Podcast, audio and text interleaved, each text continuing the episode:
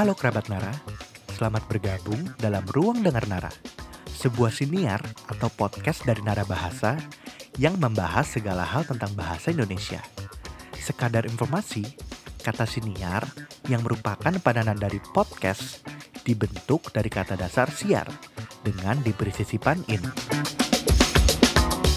Pada episode siniar yang ke-10 ini, kerabat Nara akan mendengarkan edukasi kebahasaan tentang benarkah penggunaan jika dan maka sekaligus. Selamat mendengarkan.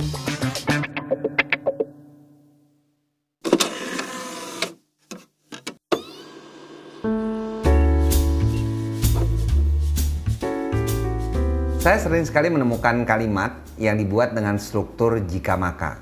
Ini mungkin terbawa karena waktu sekolah dulu kita belajar tentang logika. Di dalam bidang logika memang kita harus membuat pernyataan itu sebenarnya merupakan terjemahan dari notasi matematika, notasi logika, jika dan maka. Di dalam bahasa penggunaan sehari-hari, jika dan maka itu tidak bisa ditempatkan bersamaan. Kalau kata orang Tionghoa itu ciong. Nah, kenapa begitu? Karena jika dan maka merupakan konjungsi subordinatif. Konjungsi itu akan membentuk anak kalimat. Jadi waktu kita membuat kalimat dengan ada jika dan maka, misalnya jika hari hujan maka saya tidak pergi. Kedua bagian kalimat tersebut yaitu jika hari hujan dan maka saya tidak pergi merupakan anak kalimat.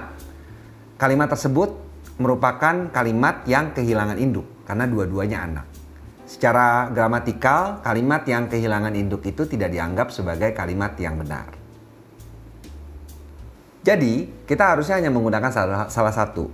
Jika hari hujan, saya tidak pergi, atau hari hujan, maka saya tidak pergi.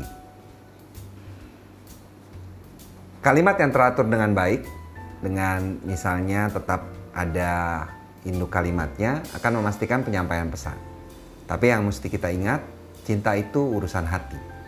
Sebaik apa pun kalimat yang kamu buat, ia tidak akan bisa meluluhkan hati yang tertutup. Luluhkan hati yang tertutup itu dengan perhatian dan waktu.